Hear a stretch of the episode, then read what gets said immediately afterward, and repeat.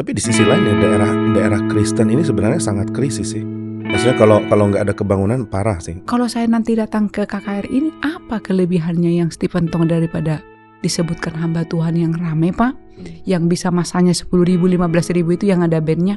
Saya bilang sama mereka pak, Pak Tong ini bukan penyembuhan. Tetapi dia lebih kepada penginjilan. Waktu di Papua, itu di Kuamki Lama. Itu pada waktu itu lagi konflik. Pas kapin kan. Jadi Pak Tong bilang, kalau gitu saya mau pergi ke sana. Mau mendamaikan Pak. Kita pada nggak kasih, terutama polisi dong, nggak boleh. Nggak sembarangan, misalkan Pak Tong maju ke arena itu, dia kan kena panah kan. Bayangin pendeta kita ini. Jadi akhir tetap dia mau.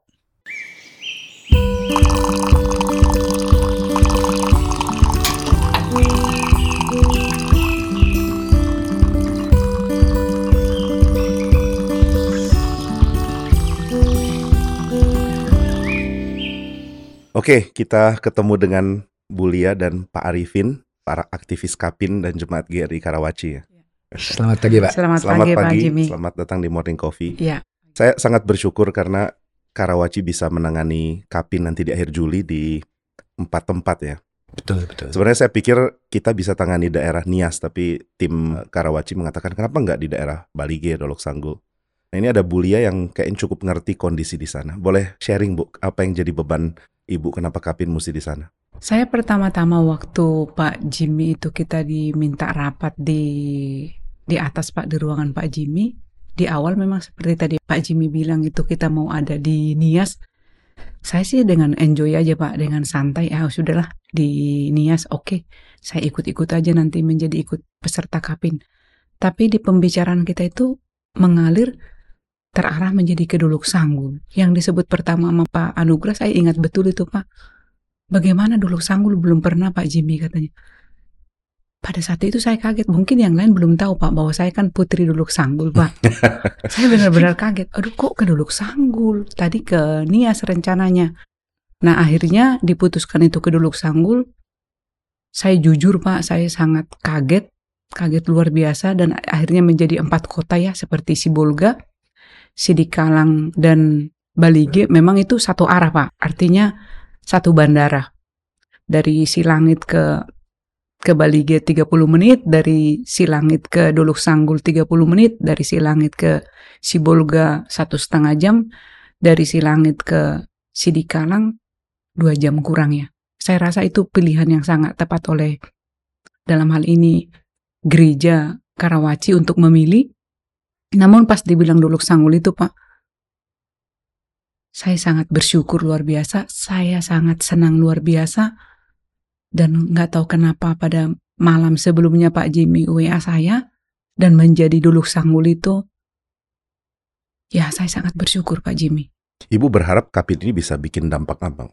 Mungkin yang banyak orang nggak tahu Pak bahwa duluk sanggul itu bahkan beberapa kejadian kan di sana kekerasan terjadi Pak, mutilasi pun sudah ada. Tapi orang bilang itu kan gangguan jiwa di sana itu kan kebebasan itu boleh dikatakan Pak saya lahir di sana dan besar di sana itu kafe-kafe yang dalam tanda kutip itu di Dolok Sanggul itu banyak Pak.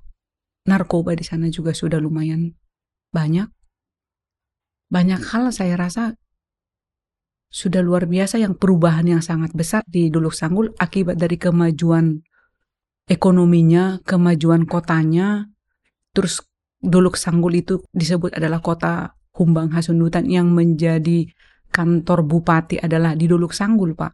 Jadi memang sangat banyak perubahan dan perubahan itu pun di luar semua seluruh orang Dolok Sanggul mungkin yang udah merantau ke seluruh pulau, Pak. Pasti pas sudah saat datang ke Dolok Sanggul kaget dengan berbagai hal perubahan yang Hmm. yang tidak diduga gitu, Pak Jimmy. Tapi kita memang lihat ya, di daerah Kristen makin lama kok kayaknya makin identik dengan misalnya eh, ya kejahatan atau juga eh, apa dosa-dosa seksual gitu ya. Ya, ya. Dan ya kita sih berharap Kapin bisa membawa pembaruan gitu benar-benar terjadi. Ini juga ada Pak Arifin yang sudah melayani di Kapin dari Kapin ke 11, 11. Sekarang udah Kapin ke 175. 5. Waduh. Gimana? 175. Apa yang spesial yang Pak Arifin rasakan gitu dengan berbagian di Kapin? Pertama kali ikut kapin tuh boleh dibilang ah, nggak sengaja. waktu itu dari pusat STEMI, kebetulan waktu itu Ibu Maria, ketua STEMI-nya kan kalau nggak salah ya. Kita adain kapin yang ke sebelah itu di Soe Rote Alor. Hmm. Nah kebetulan di Alor kan beda tuh dari Kupang mesti naik pesawat kecil lagi kan. Dibutuhkan orang untuk apa ya humas gitu pak. Hmm. Dibutuhkan mungkin 2-3 minggu sebelumnya. Saya ditelepon, ditawarin. Arifin, kamu kan punya waktu. Bagaimana kalau ikut kapin? Apa sih kapin? Saya masih bingung tuh pak. Masih Oh, iya. belum tahu. Benar-benar saya benar-benar nggak tahu. Padahal sudah 10 kota tuh di Kalimantan. Kapin tuh gini-gini. Oh itu ya ya. ya. Baru-baru tahu tuh pak. Udah mulai tahu. Saya pikir kenapa? Mau nggak ah, untuk eh, pegang alor? Humasnya. Ya humas gitu. Oh. Berangkat di sana diharuskan dua minggu sebelumnya. Hmm. Saya tanya tugasnya apa aja? Ya untuk ke gereja-gereja gitu terutama ya. Nanti juga untuk humas ke orang-orang siapa gitu. Pokoknya persiapan lapangan intinya. Kita juga Hmm. mesti cari lapangan juga. Oke baik saya bilang saya berangkat. Tapi jujur ya saat itu di otak kecil saya nih. Wah alor tuh bagus. Bisa jalan-jalan. Bisa makan.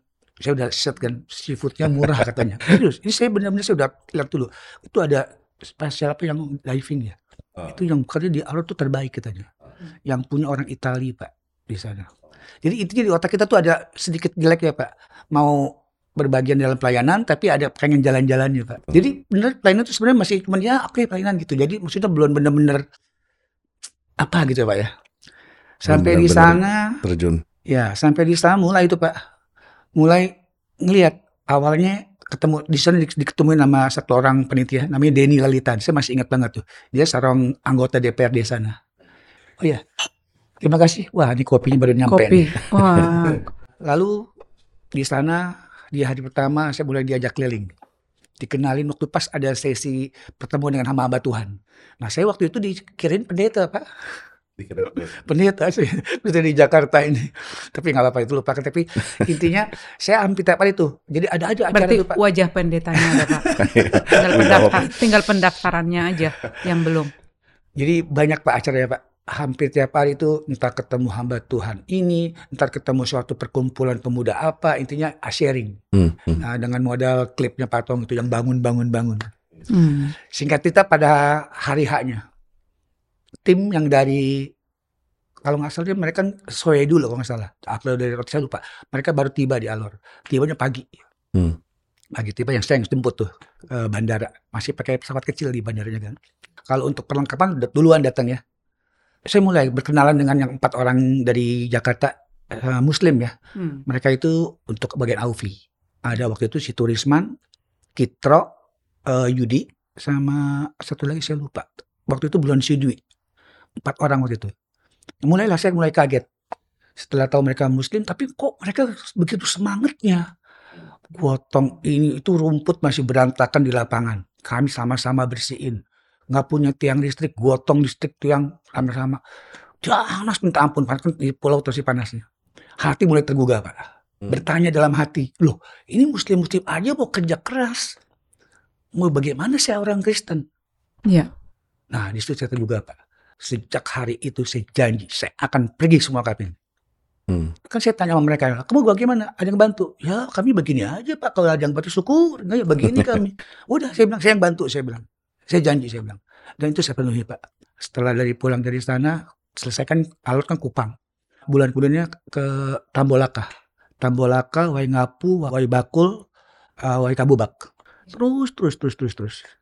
Sampai hari kemarin di kota terakhir, total saya minus dengan kapin yang pertama, minus 23 untuk dalam negeri ya. Luar negeri juga banyak Pak. Mulai dari Singapura, Malaysia, Filipina, Sydney, New Zealand, termasuk Amerika. Semua saya ikut full nggak pernah absen Pak luar negeri. Yang nanti yang empat ini nggak boleh absen pasti. Kalau yang pasti absen sih udah aduh ini beneran nih. Kemarin kan kami pagi kan pergi nih dengan ketua STEMI juga ketua Kapin. Mereka sudah bilang, Pin, lu yang empat digagal, gua bully satu tahun Pin. waduh ini bener-bener berat nih Pak. Yang empat ini berat. Saya kemarin juga berpikir, waduh saya nggak terima gimana memang ada pengalaman di Kapin. Masa saya nggak terima sebagai ketua Kapin? Ya sudahlah, saya ambil. Tapi dengan penuh perjuangan saya hari ini gue masih jujur. Ya. Masih gimana Benar. nih Itu ya, Ya, itu. Tapi bersyukur. Masih gimana-gimana? Sama. Ya masih ada sedikit keraguan karena saya melihat beberapa kapin yang kemarin terakhir kan ada yang di Sipirok, Padang Betul. Sidempuan sama Tona Tombangan. Ya. Itu benar-benar kayak melihatnya gimana ya? Keadaannya beda dengan yang waktu yang lalu-lalu 2013 yang masih yang Ya. kapin-kapin pertama. 10 tahun ini berubah jauh sekali, Pak. Berubah dalam gimana? Eh, saya melihat eh, itu orang lebih cuek. Hmm. Seperti itu ya KKN biasa. Dulu tuh kayak beda. Dia Hmm. punya auranya itu Nuansanya benar ya. orang datang nuansa itu benar-benar melihat mau pengen. Kalau sekarang saya liatin beda, Pak. Ya. Itu yang saya rasakan ya. Jadi tapi bersyukur. Saya melihat juga banyak tim pekerja kita ini kan seperti Ibu Dorok Sanggul nih dan juga yang lain-lainnya Pak, ada Pak Gis dan sebagainya. Saya melihat semangat dengan begitu tinggi. Jadi saya juga akan berusaha yang terbaik, Pak. Nah, kalau Ibu di awal trip ini kan kita sempat eh, Ibu sempat duluan humas dan Ya. eh, ikut sama-sama coba atur gimana pengalaman apa yang Ibu bisa sharingkan? Satu hal Pak, ketika gereja memutuskan untuk jadi Duluk Sanggul, karena itu kan waktu itu kan tunggu eh, dari pusat Pak approve ya untuk empat kota ini. Pas sudah di approve, kita waktu itu ada seminar Pak, Bapak memimpin seminar selama empat hari. Saya tanpa pamit Pak ke siapa pun, saya berangkat dulu diam-diam. Karena sesungguhnya saat tahu Pak tugas saya untuk ikut kapin, saya udah nggak tenang Pak Jimmy. Udah nggak tidur, Oh. sampai sekarang pun beban itu mungkin di saya seperti Pak Arifin tadi bilang badan saya di sini Pak tapi hati saya sekarang di sana. terus di Iya, Dolok iya, Sanggul iya. saya udah di Dolok Sanggul tenang tapi pas balik lagi saya kapan ke Dolok Sanggul lagi ya saya mau ngatur si ini jadi artinya nggak mudah ya Pak. Saya gentar Pak menghadapi tugas yang mulia ini. Lalu waktu saya berangkat Pak saya cari waktu dua hari di Dolok Sanggul. Saya berdoa Tuhan saya temuin siapa di Dolok Sanggul? Saya udah lama tidak tapi relasi hubungan baik dengan siapa pun saya masih jalan Pak di Dolok Sanggul itu. Hmm, hmm. sekalipun orang tua sudah lama meninggal pada saat itu saya saya ingin ketemu hamba Tuhan ini. Saya bertemu dengan mereka saya direspon dengan baik Pak dan saya lanjutkan mereka dengan senang hati menerima dan pada waktunya Pak Jimmy dengan tim Pak Ketua yang datang itu ngumpul hamba Tuhan 12 orang. Salah satu buat saya itu Pak Jimmy konfirmasi dari Tuhan buat saya. Hmm. Tuhan izinkan saya sampai mereka membuka hati membuka diri. Terima kasih Tuhan bahwa Tuhan mengizinkan ini mereka mau bertemu di sana. dengan hal-hal lain itu sekalipun nanti ke depan saya kita harus tetap bekerja keras seperti yang Pak Jimmy bilang panitia lokal tetap panitia lokal tetapi Pak Ketua juga bilang tetap usahanya sebagai PIC untuk dulu Sanggul itu berjuang sendiri, berjuang untuk mengumpulkan hal yang lain. Itu yang saya rasakan sampai sekarang sih Pak Jimmy. Hmm. Konfirmasi dari dan yang menjadi kesaksian yang buat saya Pak Jimmy satu hal yang ada Pak Ketua di sini yang kita berangkat tanggal 2 yang waktu urus izin Pak. Dispora yang menghadap saya saya Pak Arifin sudah mau ketemu Pak Bupati kita Pak Dosmar. Udah ditelepon di WA dari Medan. Tetapi saya sebenarnya secara diam-diam WA beliau jam 7.45 karena beberapa hari itu saya tanya Pak Arifin Pak udah ada konfirmasi belum? Jadwalnya Pak Jimmy nanti kita tim ini ke siapa lagi setelah pertemuan dengan hamba Tuhan yang di Dulu Sanggul? Karena maksud saya biar ngatur waktu ke Sidikalang ke Sibolga ke ke Baligi. Namun belum ada kabar Bu Natali kata Pak Pak Arifin saya tunggu. Tapi udah di bandara Jakarta saya coba WA Pak saya dengan Natalia Tobing saya kenalkan ke Pak Bupati jam 7 namun perjalanan itu nggak dibalas Pak Arifin juga menunggu jawaban dari Pak Iya Pak betul. Bupati. Pak Bupati Hmm. kita sudah selesai rapat Pak dengan panitia Humbang yang hamba Tuhan yang 12 orang. Sudah kita ke kantor Bupati beliau nggak ada. Akhirnya saya bilang kita udah ke lapangan Merdeka ngecek lokasi. Terakhirnya saya ngurus izin untuk dispora Pak. Dispora yang ke kita pergi agak jauh. Kita ke sana ketemu dengan untuk izin lapangan. Bertemu dengan pejabat itu. Responnya sama saya sangat di awal memang sangat tidak kurang ya Pak. Karena mengatakan bahwa tanggal 25 itu kita udah nggak bisa pakai lapangan itu. Hmm. Mengapa ibu saya bilang? Karena tanggal 28 ulangan tahunnya Humbang Hasundutan. Berarti dipusatkan di lapangan itu. Oh, saya pakai tanggal 25 loh Bu, saya bilang. Sore, itu sore pun. Oh iya, BPR juga udah minta izin, tapi kita udah alihkan ke tempat lain. Saya coba secara biasa saya berhubungan dengan orang pemerintahan, Pak. Saya berkenalan, saya berkenalan, agak gesturnya mulai berkurang. Tetapi di last minute itu, Pak, ketika saya alot dengan beliau, saya sampai sekarang menjadi kesaksian saya yang hidup dan yang akan saya terus hidupi, Pak. Dan saya gentar di hadapan Tuhan. Pak Bupati telepon. Momennya pas ya. Di hadapan beliau, sorry ya, ada Pak Bupati telepon saya. Saya angkat, itu, Horas itu. Saya, oh ya, ya itu. Saya lagi di hadapan anak buah itu yang si ini, saya sebutkan nama beliau. Saya sini, saya, saya bicara, saya bicara itu sini. Bicara mereka. Saat itu juga selesai semua. Dan saya cuman mau sampaikan balik lagi Pak Jimmy sama Pak Ketua. Terkonfirmasi lagi sama Tuhan. Saya bukan mendahului Tuhan, tapi di dalam setiap doa yang terus sudah terus dilakukan oleh gereja untuk kapin ini, Pak. Saya merasakan lanjutkan dulu sanggul. Maka saya saat itu, Pak, sampai hari ini saya terus berjuang, Pak, untuk kapin untuk terjadi di Dolok Sanggul, Pak, agar semua dilawat, Pak. Tapi pergumulannya berat, Pak Jimmy. Mengapa? Pertama, yang selalu sekarang menjadi orang melihat ada setiap saya bertemu orang ada musik enggak? Oh, udah pertanyaan. Ada penyembuhan enggak? Itu pertanyaan beberapa. Jadi itu memang yang terus saya coba baca buku tentang Pak Tong. Saya coba searching tentang Pak Tong. Apa yang saya harus sampaikan menjawab orang-orang ini? Itu perbekalan dari hamba Tuhan juga dalam Pak Arifin Pak Anugrah juga dan dalam hal ini dalam gereja. Itu sih Pak Ya ini jadi kesulitan karena tren kebangunan rohani bukan lagi intinya ke pertobatan sih. Tapi jadi ke so semacam hiburan. Eh, betul. Orang sep- kesepian ada hiburan dan mau datang. Lalu kalau Pak Arifin sendiri juga ada ada pekerjaan dan ada kesibukan yang harus ditangani dan Betul, betul. ini cuma bolos berapa 26 Tiga. 23 kali berarti sudah ikut berapa 100 152. itu gimana tangani pergi kapin terus pekerjaan bisa jalan Kadang-kadang saya sampai hari ini juga masih suka berpikir, padahal sudah dapat sih jawabannya. sudah Ya, tapi bagaimana ya?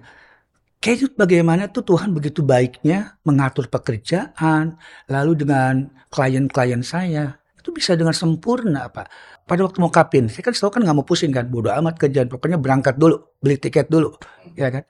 Nah di satu sisi memang agak sedikit sibuk ya, kadang-kadang di perjalanan atau apa tuh telepon tuh aduh ngatur kerjaan nah, tetap nggak bisa dihindarin Pak.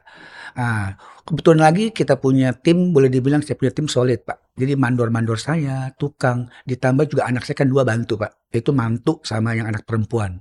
Jadi saya terbantu mereka kan untuk urus pesen barang, beli barang yang harus dicari langsung. Mantu saya yang turun tangan. Tapi selebihnya boleh dibilang tim saya solid. Jadi saya bersyukur eh, selama ikut kapin boleh dibilang memang adalah beberapa hal beberapa kali yang sampai bener-bener tuh klien tuh marah Pak udah mau ketemu kok lu nggak begini santai amat kayaknya gimana gitu ya kayak mereka nggak diam merasa nggak dianggap. Terus saya pernah ngalamin juga. Tapi bersyukur besok-besok setelah saya jelasin bahwa saya pelayan gini mereka sangat mengerti. Itu saya merinding pak? Saya pernah kejadian pak itu. Marah pak dia pak. Tapi begitu setelah saya pulang ketemuin cerita gini-gini beda pak. Entah kenapa saya benar ngalamin itu pak. Hmm. itu pengalaman jadi yang dia mendukung pelayanan Kristen ya? bukan mendukung secara nggak langsung dia kaget bahwa saya itu bukan pergi main-main. Oh, bahwa iya. saya itu ada suatu hal yang tentang gereja gitu. Dia nggak ngerti sih soal itu cuma simpel aja. Oh, ya sorry ya kalau saya ganggu gini-gini. Saya kan wah, penasaran oh, tengah rumah. Oh ya pergi biasalah lagi komplain kan Pak. Tapi bersyukur semua bisa dihadapi dengan baik dan ya itu loh. Tambah lama kan saya lebih pengalaman kan setelah ikut beberapa kota-kota jadi saya lebih bisa lebih atur lagi Pak gitu Pak. Maksudnya udah biasa kan kan udah sering pergi jadi akhirnya terbiasa Pak mengalir begitu aja kerjaan. Nah ini Pak, misalnya ada orang tanya ya, apa sih uniknya ikut kebaktian Kapin? Kan ada banyak KKR dari pendeta lain, terus ini kayaknya nggak ada artisnya, nggak ada kesembuhan, musiknya juga ya simple.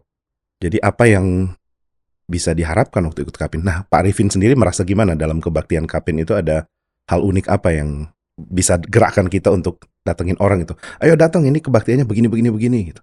Saya baru mulai merasakan itu mungkin kalau boleh dibilang yang kapin yang ke 20-an baru mulai berasa. Hmm. Di situ saya mulai pertama kali berasanya yaitu kan ada kesaksian. Kesaksian dari seorang pemuda itu, Michael Liu. Michael Liu. Pak Tong tuh ya seorang yang sudah tua. Bayangin dia harus berdiri berapa jam. Dia terjemahin si Michael Liu. Waktu itu belum ada penterjemah Ivan, belum ada. Bayangin Pak, saya begitu bengong. Wow, seorang tua yang sudah boleh dibilang berdiri aja tuh mesti pegangan begini. Tapi masih sanggup bisa tiga jam setengah. Bahkan saya pernah hitungin empat jam pernah. Pernah. Kalau buat terjemahin itu satu jaman. Calling, khotbahnya hampir dua jam. Itu pernah ngalamin. Saya lihat, wah ini udah hampir empat jam. Itu kota apa saya lupa. Hampir empat jam Pak. Saya percaya banget, saya yakin kok. Ada di jam mulai just start berdiri itu. Hampir empat jam. Tiga jam setengah berapa gitu lah. Jadi intinya sih sangat-sangat bengong. Saya bilang, wah Pak Tong luar biasa sekali. Kan yang setelah itu juga Bapak tahu sendiri kan, hampir dua jam rata-rata kan Pak. Loh kita, kita ini masih muda, masa nggak mau nyaksikin seorang tua yang begitu punya semangat untuk penginjilan. Iya. Itu satu. Kedua, dia punya nuansa Pak. Saya lihat kok beda dengan yang lain-lain. Ini kita tuh selalu harus di lapangan. Ya kan, jadi nuansa beda auranya. Kalau yang di kan ada di gedung gitu ya. Ini di lapangan, tapi di lapangan juga memakai orang lain. Saya lihatin yang lain kan ada pakai apa sih atap gitu ya, supaya hujannya kehujanan. Patung beda. Patung saya bilang tidak mau. Saya harus terbuka. Jadi hujan bareng-bareng sama-sama. Nah, itu satu lagi keunikan lagi Pak. Terus ditambah lagi keunikan yang lainnya saya lihat, nah itu waktu altar call-nya itu, saya bisa kadang-kadang bisa merinding Pak. Saya pun beberapa kali saya maju secara refleks, bukan refleks ya, benar-benar saya terpanggil. Saya maju untuk melakukan dosa. Saya masih ingat banget juga yang awal-awal patung tuh beda yang sekarang ya. Waktu awal dia selalu ingatin tuh Pak, sebagai orang Kristen harus ada lima hal. Ya baca Alkitab loh, ke gereja dan sebagainya itu.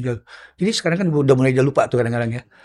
Nah tapi itulah yang saya merasa keunikan yang harus orang datang. Nah belakangan kan Pak Jimmy kan yang kesaksiannya. Nah itu saya juga melihat luar biasa nih. Waktu beneran Pak Jimmy selama kesaksian saya udah hampir 20-an kali ya. Semua ujungnya sama kesaksiannya. Tapi itu selalu dengan bahasa yang Ya, dimodifikasi. Iya, Tapi tapi itu ujungnya ketemu, ujungnya ketemu bahwa pertobatan sejati itu ada. Jadi saya melihat yang sekarang ini malah kalau orang harusnya, maka saya sering ajak ajak teman-teman ya, lu mesti lihat kesaksian hamba Tuhan saya. Saya selalu bilang gitu, karena beda saya bilang, sangat menguatkan Pak. Hmm, puji Tuhan. Kalau ibu pernah ikut kapin yang di mana? Saya pernah ikut kapin Pak di sini aja di Cikarang. Tangerang. Ah, waktu- Jakarta yang- Cikar- oh, yang ya, Cikarang. Cikarang. Oh, iya, Iya. iya. Gimana kesannya bu? Banyak hal sih Pak yang saya pikir sekarang melalui kapin yang sekarang pun di grup kita itu kan report-report dari Pak Arifin itu kan menjadi suatu tanta- besar ya Pak. Buat kita itu semakin takut. Ya lihat kursi, lihat apa seperti itu, ya kedatangan orang satu persatu dari lima menjadi Ya, sepuluh, betul. menjadi ribu kan Hmm. It- di situ Pak kita lihat bagaimana sih Tuhan apalagi kesaksian yang terakhir saya dengar kemarin Pak Tong Tano khotbah yang itu sampai jam 9 malam masih sepi jam Tano Tombangan pak. Tanah Oh, Tombangan itu yang di, ya, enggak. dan bahkan supir yang bawa Auxiliaris Temi itu yang saya pakai ke dulu sanggul yang terakhir kemarin. Dia cerita Pak sama saya. Bahkan dia yang bawa barang-barang itu yang tiga kota itu dia cerita terakhir Bu pertama cuman lima ya, betul. tujuh. Karena mereka pulang dari ladang dari makan ladang. kasih eh, kasih makan babi ya pak. Makan Ya, babi mak- dulu. Jadi jam Betul, 8.30 mereka baru turun semua. Itu bu Pak. dia ceritakan semua tentang itu pak. Jadi Hmm. dari Pak Arifin saya dapat bahkan supir yang menyaksikan itu cerita. Tapi keunikannya. Balik lagi pak. Saya mungkin bukan uniknya pak. Pak Jimmy orang nanya kalau saya nanti datang ke KKR ini apa kelebihannya yang Stephen Tong daripada disebutkan hamba Tuhan yang rame pak? Yang bisa masanya 10 ribu 15 ribu itu yang ada bandnya?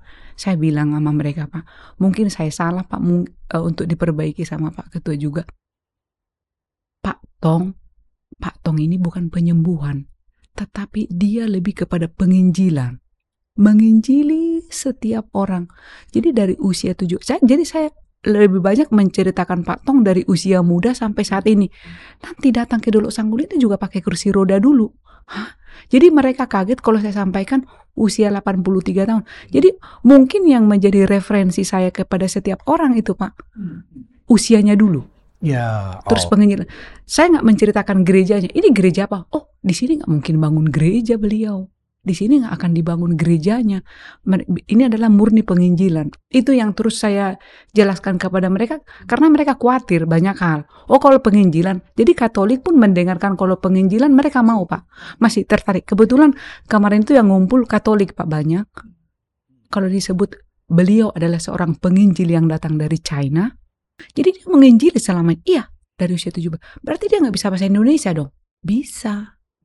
Itu Pak saya sampaikan. Keunikannya Pak Tong yang untuk bisa kapin ini bisa bergerak ya. Karena mereka selalu tanya penyembuhannya, makanannya. Sudah banyak metode KKR yang diterapkan banyak gereja itu mengacaukan ya maksudnya eh, dengan kasih uang lah, Iya. kemudian Artis. Akhirnya ketika kita mau lakukan kebaktian yang fokusnya adalah pertobatan, penginjilan, seperti kehilangan apa ya, daya tarik tambahan untuk tarik orang. Tapi ya herannya ya di mana pun ya Tuhan udah siapkan orang yang akan datang ya. Iya, Ya betul. amin. Saya lihat itu. Amin. Amin Saya lihat itu. Dan saya juga bersyukur kalau lihat Kapin kan ada selain ada kesaksian pertobatan lalu ada khotbah tentang Injilnya. Jadi inilah yang yang membuat orang bertobat. Kemudian terakhir waktu calling itu salah satu momen yang Ya, betul. luar Betul, biasa karena betul, sering kali saya lihat orang-orang yang maju ya ada sih sebagian yang majunya nangisnya dibuat-buat gitu. Tapi ada yang benar-benar berusaha tahan air mata tapi nggak bisa air matanya turun. Waktu itu dia mengalami foto-foto itu kelihatan Iya. Pak. Saya banyak sekali menemukan. Ya, ini momen nggak bisa hilang dari ingatan sangat berkesan. Hmm, benar Pak. Bahkan kadang-kadang saya pernah menyaksikan beberapa kota yang benar-benar nggak masuk di akal kadang-kadang. Contoh yang saya pernah benar-benar benar merinding Pak ya. Tulungagung. Tulung Agung. Kalau Hmm. ingat Tulungagung merinding. Karena itu kota kecil. Kota kecil itu yang mungkin yang orang Kristen juga nggak seberapa. Itu datang pakai truk dengan pakai bermacam-macam cara datang di luar target Pak 6.000 orang. Oh iya. Salah satu rekor Kapin Tulungagung yang nggak bisa diprediksi.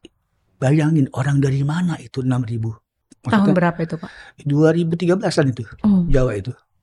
Ada kesan apa lagi Pak atau kebaktian apa lagi yang Bapak ingat yang kayaknya bisa dibagikan juga? waktu di Papua itu di Kuamki lama itu pada waktu itu lagi konflik konflik antar oh iya. suku ternyata baru saya juga baru tahu pak jadi benar-benar uh, ikut KP ini banyak uniknya pengalaman-pengalaman bertambah yang dari nggak tahu jadi tahu mungkin juga setiap orang negara kita mungkin nggak tahu bahwa ternyata ada perang suku dan itu benar-benar terjadi nah uniknya gini perang suku itu baru saya tahu lagi saya tanya bagaimana caranya tuh bisa perang gitu ternyata mereka tuh tentukan di lapangan ini jam sekian sampai jam sekian. Jadi ada, ada jam Jaruh. mulailah mereka memanah apa bebas. Wah. Bebas. Nanti jam berapa misalkan jam 6 start tutup udah. Nah, pada saat itu ternyata perperangan ini memakan korban pastinya kan. Hmm. Jadi kalau salah satu yang ada yang masih selisih nggak akan stop. Yang yang mati lebih banyak. Ya, selisih. Jadi misalkan yang pihak ini 10 orang, ini baru dua. Dia nggak mau ngerti. Perang Mesti terus pokoknya. harus sama harus sama. korbannya. Iya. Tapi ya udah, singkat cerita pada waktu konflik lama pas kapin kan. Hmm. Jadi Pak Tong bilang, kalau gitu saya mau pergi ke sana. Mau Hmm. mendamaikan Pak. Kita pada nggak kasih, terutama polisi dong nggak boleh. Nggak sembarangan, misalkan Pak Tong maju ke arena itu, dia kan kena panah kan. Bayangin pendeta kita ini. Jadi akhir tetap dia mau. Jadi itu salah satu kapin yang tidak diisi khotbah oleh Pak Tong. Jadi Pak Oh, Tong iya. pun nggak pernah ikut. Eh, Betul, pernah ini pernah nggak tambahan ikut. ya, tambahan ya. Dari seluruh tim, seluruh tim pasti ada yang bolong. Nggak ada yang full 100% nggak ada. Termasuk Oh. pengkhotbahnya. itu uniknya Kapin lagi baru baru baru sadar lagi Pak. Itu Waktu itu yang khotbah siapa ya? Pak Kokan. Pak Kokan. Oh, iya. Begitu juga waktu yang di Lampung, itu di uh, Tabak Udang di Oh. Pasena. Sama Oh Pak di Tong. Pasena. Kenapa kita nggak kasih dia pagi? Bayangin ya, saya yang survei karena saya, oh ya kebetulan saya harus setiap kapin itu selalu survei pak. Hmm. Jadi orang-orang pergi jalan satu kota sekali, saya pasti dia entah dua atau tiga. Itu bayangin ya, menuju ke tambak udang di Pasena dari ujung jalan Iya. kita harus melewati perkebunan tebu, panjangnya 75 km. Bayangin kalau jalannya aspal atau apa tuh mah nggak masalah. Ini tanah merah. Jadi kalau sampai misalkan dia hujan, pasti mobil terjebak. Jadi kita ambil keputusan setelah kita meeting sama teman-teman semua. Pak Tong nggak boleh sini. Gitu. Tapi Hmm. tetap kita datang. Kita nggak boleh kan. Namanya kita sudah diharapkan. Orang saya mengharapkan Pak. Siapa yang khotbah jadinya Pak? Eh, bukan khotbah. Jadi diisi dengan Pak Aiter Oh. itunya rekaman. Oh, Oh. Rekaman Kapin. Tapi yang buka apa semua ditulisnya Pak Aiter full gitu semua. hmm. Rekaman itu waktu saat itu. Jadi benar-benar banyak hal-hal yang unik yang Bapak tanya tadi baru ingat lagi Pak. Yaitu setiap orang yang ikut siapa pun pasti ada bolongnya, termasuk pengkhotbahnya. Lalu ya uniknya itu banyak hal-hal yang saya lihat perjuangan ya Pak. Di Ambon kita kena angin badai. Nah, kita kan pakai balon. Nah ini juga luar biasa nih. Kalau- Layar ya. Iya, cerita soal balon layar nih. Layar itu untuk screen. Awalnya kita nggak kepikir, Pak. Waktu awal belum punya balon screen itu, kita bikin dari triplek dasarannya kasih kain. Atau dicat putih. Itu pun kita kerjakan sendiri. Itu namanya badan pulang dari kami pasti hitam. Kejemur. Bayangin kita mau dari susun kursi, sampai harus dihapin panggung. Ah sedih Pak. Kalau kita bisa nangis Pak. Serius, saya benar-benar tuh ngalamin semua Pak waktu masa-masa yang masih awal, masih belum canggih istilahnya. Masih belajar juga ya. Banyak belajar, belajar. banyak Kenapa? belajar. Semua tim sama. Sampai waktu itu kan nggak kepikir bawa speaker sendiri, Pak. Oh ya. Iya, nggak kepikir, Pak. Saat ini kan kita setelah, Semua berapa ya? Setelah kota keberapa baru kita kepikir. Kenapa? Karena yang namanya penginjilan tuh suara harus terdengar kan sama audien. Lah ini kita sewa yang suaranya nggak karuan. Lah buat apa patung khotbah kalau suaranya Iya. nggak nyampe? Di situlah kepikir harus speaker yang bagus. Bukan kita sombong. Kita harus bawa mahal-mahal. Bukan. Speakernya pun juga nggak terlalu mahal ternyata. Tapi memang karena dirancang Speknya dengan khusus. Ya, Speknya karena khusus speknya untuk khusus untuk lapangan dan ditambah keahlian dari kita punya apa sih tambahan apa yang saya kurang tahu. Intinya jadi suara jadi bagus kan? Mm-mm. nah kalau yang di daerah itu mereka nggak kepikir. Mereka hanya pikir hanya untuk yang pesta-pesta yang bung bung bung gitu. Jadi ya Yang udah. penting keras. ya benar. Jadi itu pengalaman juga pak. Jadi setelah bertambah kapin kalau nggak salah kapin ke 50-an baru ada Oh iya, baru lahir- bawa baru ada terus. lahir sendiri. Betul. Iya betul. Kapin terakhir yang Medan 50 itu kapin Medan. Baru ada. Nah itu baru mulai sempurna menurut sampai hari ini. Menurut saya ya sebelumnya nggak sempurna. Entah kita sewa nggak karuan entah yang bagaimana perjuangan yang saya bilang tadi bikin sendiri.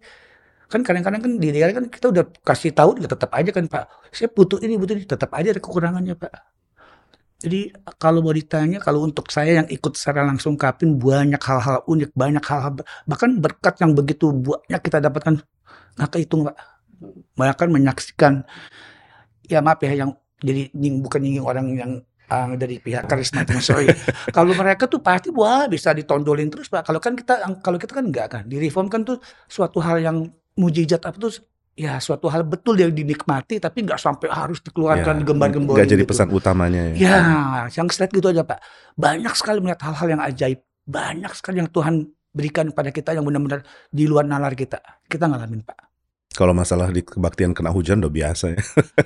Saya, kebetulan saya salah satu yang ya boleh dibilang ya bukan salah satu ya mungkin rata-rata 90% saya yang pegang payung Pak. saya bagian pegang payung Pak. Tuh foto Pak Arifin muncul di buku Kapin yang lagi pegang payung ya. Iya. Jadi rata-rata kebetulan saya yang bagian pegang payung. Bapak bisa bayangin itu bukan payung sembarang payung beratnya. Payung berat. Saya nggak tahu kenapa dapat tenaga dari mana. Satu jam lebih loh, megangin payung nggak goyang. Kenapa? Kalau kita lepas tuh jatuh apa gimana? Saya mau gantiin nggak boleh? Nggak, emang kan udah kebiasaan ya. Saya juga bersyukur dikasih eh, apa kesehatan yang luar biasa di usia saya yang sudah berumur boleh dibilang udah setengah tiang lebih pak. Tapi bersyukur dikasih kesehatan yang luar biasa. Selama kapin seingat saya ya. Yang namanya sakit nggak pernah pak. Paling banter masuk angin kerokan beres. Oh, kerokan Itu yang lagi. saya alamin. Makan sop buntut langsung hilang ya, Pak. Sama duren. Itu salah satu keahlian saya ya. Sudah nikmatin kan, enaknya kan. Iya, Sama ini juga ya, tim yang sama-sama persiapan, sama-sama humas, sama-sama mempersiapkan lapangan juga jadi terjalin keakraban ya. Bukan kejamin lagi itu kita tuh udah nggak ada istilah oh lu muslim ya lu ini. Bukan nggak ada lagi pak. Itu benar-benar kayak keluarga. Saya tuh sama orang-orang Aufi itu udah kayak dianggap papanya kali ya pak. Mereka tuh udah sama saya tuh udah kayak nggak ada rasa apa nggak ada pemisah gitu kayak bener-bener. Ya semua lah sama si oh Aan lah Ibu Frinska dan lain sebagainya itu bener-bener kami itu kekeluargaan semua saling mendukung saling ya melengkapi lah saling melengkapi semua deh pak Ini mungkin poin persekutuan gereja yang kadang-kadang orang lupa kan. Persekutuan bukan cuma kumpul untuk sharing aja, tapi juga kumpul untuk kerja bareng dan itu Ya, menjalin betul. relasi yang itu sangat betul, kuat. itu betul itu betul itu betul pak Kembali ke Dolok Sanggul dan Teluk sekitar. Sanggul, ya. Kalau melihat kondisi gereja, kita kita nggak ini ya nggak mau bicarakan kelemahan gereja atau apa. Ya. Cuma Ya. kadang-kadang kan orang akan bisa lihat apa agak meremehkan gitu karena bisa dibilang gereja suku kan sangat besar, kemudian jemaatnya banyak sekali, lalu uh, strukturnya juga kayaknya udah lebih rapi dan lebih lama. Ibu tawarkan apa ya untuk bicara dengan gereja-gereja yang besar ini untuk ikut kapin? Kalau yang pertama Pak, di awal memang kan udah pernah katanya rencana kapin di Duluk Sanggul, tapi dalam Hmm. tanda kutip, tapi nggak jadi ya Pak, batal ya. Pernah kan direncanakan sama Medan Hmm. karena izin ya, Oh. izin. Dalam hal ini mungkin untuk gereja yang besar itu ya Pak di di Duluk Sanggul. Jadi saya pun di awal takut kembali itu terjadi Pak. Hmm. Jadi saya memang benar-benar berpikir bagaimana caranya Tuhan saya berdoa agar izin ini dapat. Jadi di awal Pak sampai terkonfirmasi kita ada dapat lapangan dan relasi dengan Pak Bupati melalui Pak Ketua juga dan Medan yang dibantu berjalan dengan baik, sudah komunikasi lancar dan saat ini fix Bupati dan izin kita sudah dapat. Saya sekarang rasa ingin melangkah lebih luas itu Pak dengan gereja yang lebih besar. Saya akan mulai kalau di awal Pak di awal starting itu saya coba silent dulu, belajar dari pengalaman yang pertama. Setelah izin ini dapat, Pak Bupati sudah approve, Polres sudah oke, semua sudah oke. Saya mungkin apa yang saya akan sampaikan kepada mereka? Satu hal Pak, peperangan antara mereka dengan reform dalam hal ini ya Pak ya. Saya mungkin tidak mendalami ke sana Pak, tetapi saya melihat respon mereka terhadap khususnya gereja kita. Saya juga tidak bisa membahasnya Pak, tetapi satu hal yang saya sekarang masuk Pak, bukan dulu melalui gereja-gerejanya langsung saya datang, tetapi saya coba nanti melalui jemaat persekutuan, kan ada persekutuan wilayah Pak, saya nanti datang ke sana untuk sharing. Saya lebih menonjolkan Pak Tong itu adalah karena ini gereja sukunya sangat kuat Pak di sana. Saya lebih menonjolkan Pak tentang beliau adalah seorang penginjil. Kesaksian tentang diri Pak Tong itu yang saya coba terus masukkan ke gereja itu Pak, ke jemaat-jemaat di sana. Baru mereka agak merespon saya Pak dengan mengatakan termasuk kemarin itu kumpul gereja lain juga yang suku yang berbeda yang dalam hal ini Katolik Pak. Saya masuk dengan cara beliau adalah seorang penginjil, mereka mau. Kalau begitu kami akan datang. Dan itu terkonfirmasi oleh mereka, oh boleh, di sini nanti Katolik-Katolik juga. Berarti dia nggak ada gerejanya ya? Enggak. Beliau seorang penginjil. Pak. Mungkin perlu tambahin tuh Baik, bahwa Pak. Pak Tong tuh dari umur 17 Ya, penginjilannya. itu, Pak. Itu Betul. penting itu. Jadi 17 orang tahun. wow, ini orang seorang tua yang luar biasa. Itu Dan- perlu itu. Dan saya selalu sampaikan itu Pak Arifin, bahwa sejak usia 17 tahun, Pak Tong itu selalu meminta jemaat itu anak teristimewa anak-anak muda. Jadi untuk orang tua saya coba dengan anak mu- anak-anak mereka banyak yang menjadi hamba Tuhan. Oh, Hmm, ya, betul, itu betul, yang betul, mereka sangat betul, tertarik. Betul. Jadi sejak usia 17 tahun, kalau hamba Tuhan sekarang sejak Pak Tong itu selalu datang ke KR ke kam- seluruh Indonesia bahkan seluruh dunia, udah puluhan ribu, nggak terhitung lagi. Mm-mm. Mereka tertarik di situ Pak Ya. tentang hamba Tuhan Hasilnya, itu. hasilnya. Jadi hamba Tuhan, jadi banyak hamba Tuhan. Jadi bukan berarti, jadi setelah dia penginjilan apa apa efeknya buat eh, Pak Stephen Tong itu dia bilang agar jemaat itu kembali bergereja, Hmm. kembali ke Bible, Hmm. kembali kepada kebenaran firman.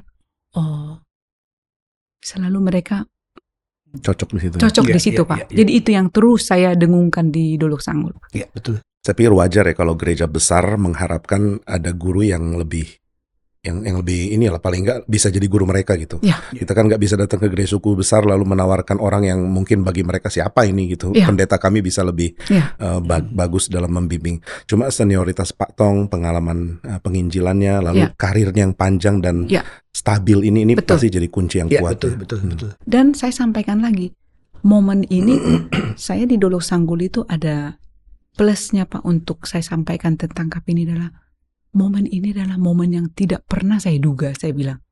Karena jadwalnya Pak Stephen Tong ini seluruh dunia. Iya. Jadi seluruh dunia ini bagi Hmm. orang sana kan ya dalam tanda kutip mereka pikir siapa lah ini orang apa usianya begitu. Tetapi jadwalnya full di seluruh dunia. Tetapi ada momen kita tanggal 25 Juli ini kita harus tangkap Jadi Hmm. momen yang yang tidak mungkin akan ada lagi, saya selalu bilang, bukan mendahului Pak Tong untuk itu. Kalau kita putar lagi keliling lagi nanti dapat jadwal dulu sanggul usia berapa beliau, hmm. saya selalu sampaikan itu. Saya ada pengalaman yang di Wono, Wono, Wono- saya lupa Wono, Wonosari? Wonosari atau Wono, ya, Wonogiri. pokoknya di salah satu tempat Ada itu. Wonogiri, Itu kan Wonosari. ada Pak Tong sempat sharing dia eh, akan rencana keliling ke mana gitu. Iya, betul. Nah mungkin kalau kita kan udah sering dengar jadi kita Iya. pikir oh ya Pak Tong Iya. sharing lagi. Tapi ada satu orang eh, dia ibunya jemaat di Bandung. Oh bukan Seragen. Seragen, oke. ya. Ibu dari jemaat di Bandung dia salamin saya, saya mamanya si ini pemuda di Bandung. Oh iya. Terus dia sampai terharu bilang kok Pak Tong dengan jadwal padat masih mau datang ke sini ya. Iya. Nah baru saya ngerti ternyata waktu Pak Tong sharing dia ingin mengatakan bahwa meskipun saya bisa keliling ke mana-mana, tapi karena anugerah Tuhan saya datang ke sini Iya, gitu. Dan Betul. ini mungkin jadi tawaran juga untuk Betul. kita humas ya. Dan itu Betul, saya betul. tawarkan selalu. Betul. Kalau diputar lagi, apakah mungkin Pak Tong datang lagi nanti? Kapan? Hmm. Kalau ngelihat jadwal beliau yang memutari seluruh dunia. Dan mengingat usianya. Ya usianya itu jadi kita harus datang dan itu saya rasa menjadi buat saya sendiri pun Pak sebagai yang mewakili untuk jadi PIC untuk di Dolok Sanggul ini yang memang yang sangat relevan untuk saya dan ini yang sangat saya dengungkan untuk Dolok Sanggul Pak Hmm. bahwa ini momen yang harus ditangkap seorang Pak Tong bisa datang ke Dolok Sanggul itu buat saya Pak sebagai orang Dolok Sanggul blessing ya Pak Hmm. anugerah yang luar biasa loh Pak. Kalau Pak Tong bisa nyampe ke Dolok Sanggul Pak. Hmm. Nah itu salah satu yang saya percaya Pak. Yang saya percaya Pak Tong tuh punya sen bukan sen ya maksudnya benar-benar panggilan tuh benar-benar dari Tuhan langsung menurut saya. Hmm. Kenapa saya bilang gitu Pak? Awalnya kan cuma rencana kapten tuh cuma 100 kota. Iya. Lalu entah kenapa dia kepikir untuk tambah 40 kota. Hmm. Dan itu sudah dilakukan. Di itu kota terakhir ND. ND. Maka disebut itu N.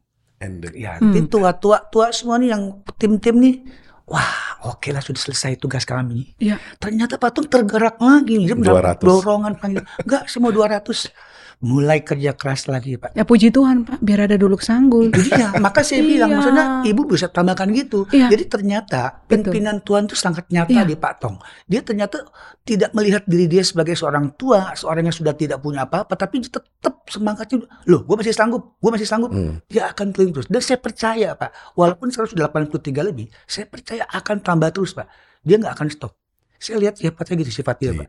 Selama dia masih belum, dia pernah sering katakan di mimbar ya, selama saya belum pikun, jangan coba turunin saya dari mimbar, katanya.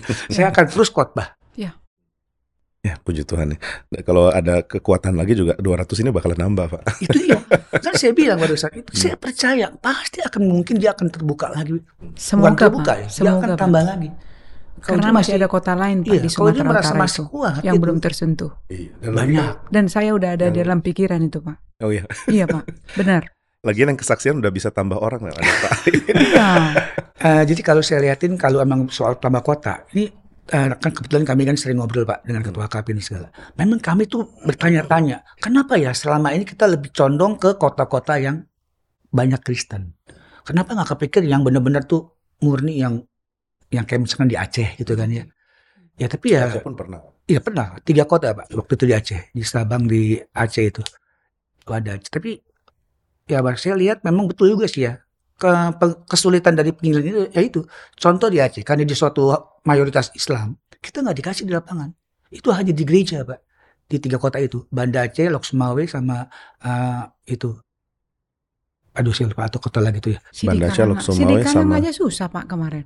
Sabang. Sabang ya Sabang. Ya, Sidikalang Jadi susah. intinya saya lihat ya itu. Jadi eh, tim-tim yang sekarang ini lagi berusaha bagaimana men- menjangkau kota-kota yang boleh dibilang ya itu yang menantang pak, yang menantang yang bukan Tapi di sisi lain ya, Iya. daerah daerah Kristen ini sebenarnya sangat krisis sih. Maksudnya Krisis kalau banget. kalau nggak ada kebangunan parah sih maksudnya. Iya. betul, betul. memang Nah, betul. jadi sering kali kan orang anggap enteng ah udah daerah Kristen. Iya.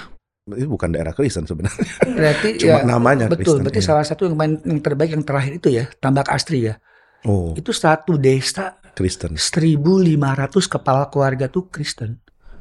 Itu merinding main pak. Memang saya lihat mereka tuh, ada beberapa orang kan waktu waktu makan bilang, wah benar-benar ah, beda gitu pak. Maksudnya mereka dapatkan berkatnya beda. Ada kekhawatiran sih kalau daerah Kristen nggak kuat, terus kemudian Iya, ya betul. akhirnya kekristenannya hilang. Mm-mm, betul pak, betul betul juga. Ya jejak Kristen di daerah ini bisa hilang loh. Ya, Besar, sangat Pak. Itu sangat sekarang ini jangan kita selalu berpikir bahwa orang ini toba ini Kristen. Tidak seperti Iya, itu iya. lagi. Nggak rancu Pak kalau sekarang itu nggak ke gereja hari Minggu. Udah biasa ya. Biasa. apa itu pengaruh juga waktu pandemi, Pak? Mereka sudah terbiasa online. Oh, sejak Bahkan sebelum. stop Sejak sebelumnya juga enggak Iya. Pak. Oh. Jadi tradisi Kristen tuh udah hilang. Iya, iya, Tradisi bergereja hilang. Iya, iya, iya. Ya, semoga Pak lewat kapin-kapin ini mereka akan dibangkitkan kembali. Amin, Ya. amin. Harapan kita Ya. itu, Pak. Sebenarnya kalau gereja-gereja suku itu membuka diri sesungguhnya, Pak, mengetahui apa maksud daripada kapin ini, tujuan daripada kapin datang ke Duluk Sanggul dengan biaya yang seluruhnya ditanggung oleh STEMI. Nggak ada maksud untuk membangun suatu gereja yang baru di sana. Semestinya mereka membuka diri karena buat jemaatnya juga membangunkan jemaat itu agar semakin mengerti, semakin taat, datang semua beribadah. Tetapi sejak awal mereka selalu berpikir Ancaman ya. ancaman. Itu yang jadi sulit. Sebenarnya kalau mereka sadar kalau benar terjadi pertobatan, Iya. kebangunan gereja mereka kok yang akan Yang- dapat berkat. Betul, Iya. betul. Mereka yang se- kembali ke semua-semua dikumpulkan di tanah lapang, hasilnya ke mana Pak? Mereka juga. Buat mereka semuanya. Akan jadi hamba Tuhan pun buat mereka juga. Itu sih Pak. Itu yang terus saya sampaikan Pak kepada jemaat. Baik, Pak Arifin dan Bu Natali, terima kasih banyak sudah datang meskipun nggak jadi sepedaan, nggak jadi lari pagi. Saya bersyukur untuk percakapan ini. Harap ya jemaat yang dengar juga makin terbeban untuk eh, dukung Kapin dalam doa dan berbagian. Dan jemaat juga nanti banyak yang hadir Pak untuk Oh ya, humas, untuk humas Pak, 24, 25, 26 kolektan dan aser Pak. dan 27 Juli wajib Ya, datang. Wajib Jemaat hadir, wajib hadir ya. Pak Karawaci. Sama tim yang ada di sini ikut. Oh, yang ini ikut nanti ada liputan Kapin. Yes. Jadi untuk membangun juga contoh lah yang cabang lain Pak ya. Bisa banyak bawa ratusan orang. 200 orang ya Pak ya. Lebih, lebih. Jadi masa Karawaci Karawaci yang 400, jemaatnya bes- Nah, itu kalau 400. Amin. bisa 400 kasihan pesawat itu bisa berebutan itu. Karena kan ke sana kan ah, terbatas. Kan tiga kali trip Pak. Oh gitu ya. Luar Oke lah, biasa ini. semoga banyak yang datang. Amin, amin Pak, amin Pak. Thank you Pak Arifin, thank you Terima Bu kasih Pak. Natali. Pak Tuhan berkati. Terima kasih. Amin Pak. Oke, sampai di sini eh, morning coffee kali ini. Selamat ngopi. Saya juga ngopi Pak ya.